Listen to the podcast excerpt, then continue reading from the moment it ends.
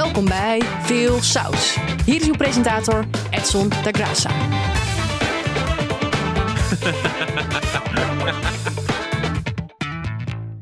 Op 2 november kwam de quote 500 uit en dit was een speciale editie, want hij telt meer miljardairs dan ooit tevoren. De 500 rijkste in ons land bezitten dit jaar gezamenlijk 219 miljard euro. Jeez, dat is veel geld. Wat me wel opvalt is dat sommige van die mensen dingen doen waarvan ik denk, tja, ik wist eigenlijk niet dat je daar rijk van kon worden. Zo doet Kees Vierhouten, die, die haalt 280 miljoen op met het verkopen van houtpellets en dierenvoeding. Ja, ik weet niet wat er in die pedigree Paul zit, maar de tering. De broers Hoekman genereerden 275 miljoen met het verkopen van tapijten. Ik weet niet, zijn dat vliegende tapijten? Wat voor tapijten zijn dat? Jongens, ik denk dat ik ga investeren in moerbouten in plaats van bitcoins. Ik ga zelf super lekker op dit soort lijstjes.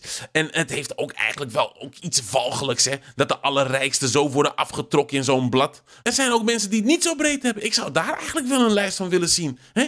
De, de, de quote min 500. De armste sloebers van Nederland. Nieuw in de lijst met een heerlijke schuld van 147.000 euro. Sandra Frimpong. Sinds de toeslagenaffaire tot op het bot kaal geplukt door deurwaarders. Lekkere binnenkomer, Sandra. En de grootste stijger dit jaar is Henk Zwartjes. Hij probeert dagelijks de dakloze krant te verkopen aan mensen die een huis hebben. Ja, dat is wel een heel slecht businessmodel, Henk. De rijken doen een ding en weten ondanks corona gewoon heel veel geld binnen te harken. Ik ga dan wel lekker op dit soort lijstjes, maar het voelt toch altijd wel een beetje dubbel. Dat een klein aantal mensen zwemt in het geld, terwijl een groot deel verzuipt in de schulden. Ik wil je graag feliciteren, als dat mag.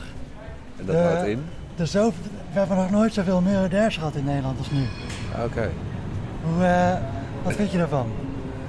Vrij weinig. Ja? 45 miljardairs, dat is toch een mijlpaal? Eh, ja, voor mij niet. Nee? Nee. Ik zou bijna zeggen, we leven in een gaaf land. Volgens mij doen ze de SBS6 erom.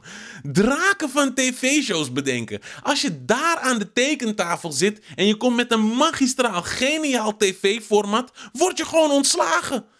Ze bedenken echt alleen maar flops. Denk aan Cupido of zo. Of The Wheel, dat achterlijke dansmarathon. Eh, en nu hebben ze waarschijnlijk weer één te pakken. Want in december komt The Big Balance uit. Met onder andere Dave Roelvink, Hans Klok en XK3 Klaasje Meijer. Dit is een- een greep uit de deelnemers. Het is weer zo'n show waarin een blik met BBN'ers wordt opengetrokken die dan zogenaamd iets spectaculairs gaan doen. Namelijk balanceren op een koord. Ja, ze gaan gewoon koord lopen. Nou snap ik dat dat super spannend is als je dat zelf doet, maar wie wil er nou zes keer kijken naar iemand die in de nok van de arena over een koord loopt?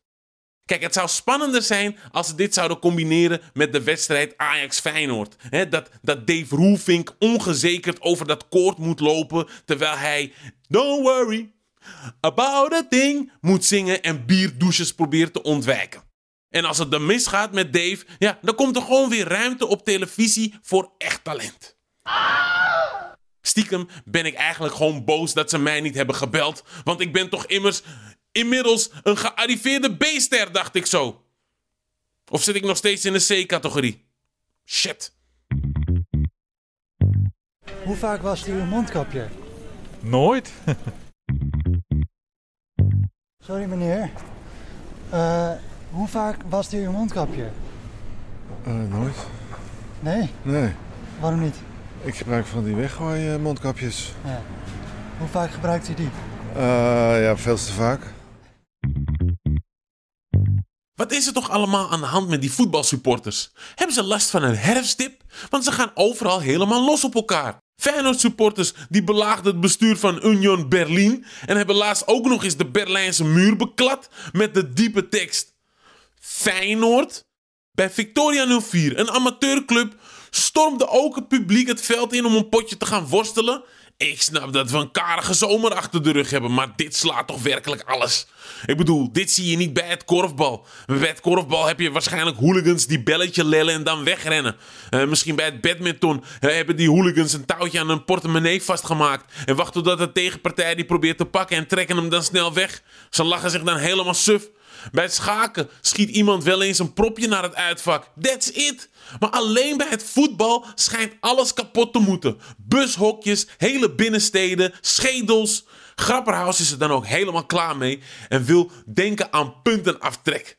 Als de KNVB en de club zich daar ook in kunnen vinden. Nou, ik denk dat de club zich daar helemaal niet in kunnen vinden. Want als crimineel, want dat zijn ze gewoon, kan je dan straks gewoon de tegenpartij flink pijn doen. Stel je voor dat Tachi geen Ajax-fan is. Hè? En dat hij voor al die liquidaties zijn mannen in Ajax-shirts had laten rondrennen. Dan speelden de Amsterdammers nu in de kelderklasse met een ster minder op de borst. Ik denk persoonlijk dat voetbalsupporters voortaan bij het stadion naast een QR-code een VOG moeten overleggen en een psychoanalyse. En ik kan je vertellen dat sommige vakken dan leger blijven dan tijdens de lockdown. Dit was Veel Saus met Edson da Casa, een podcast van Dag en Nacht Media. Bedankt voor het luisteren en tot vrijdag.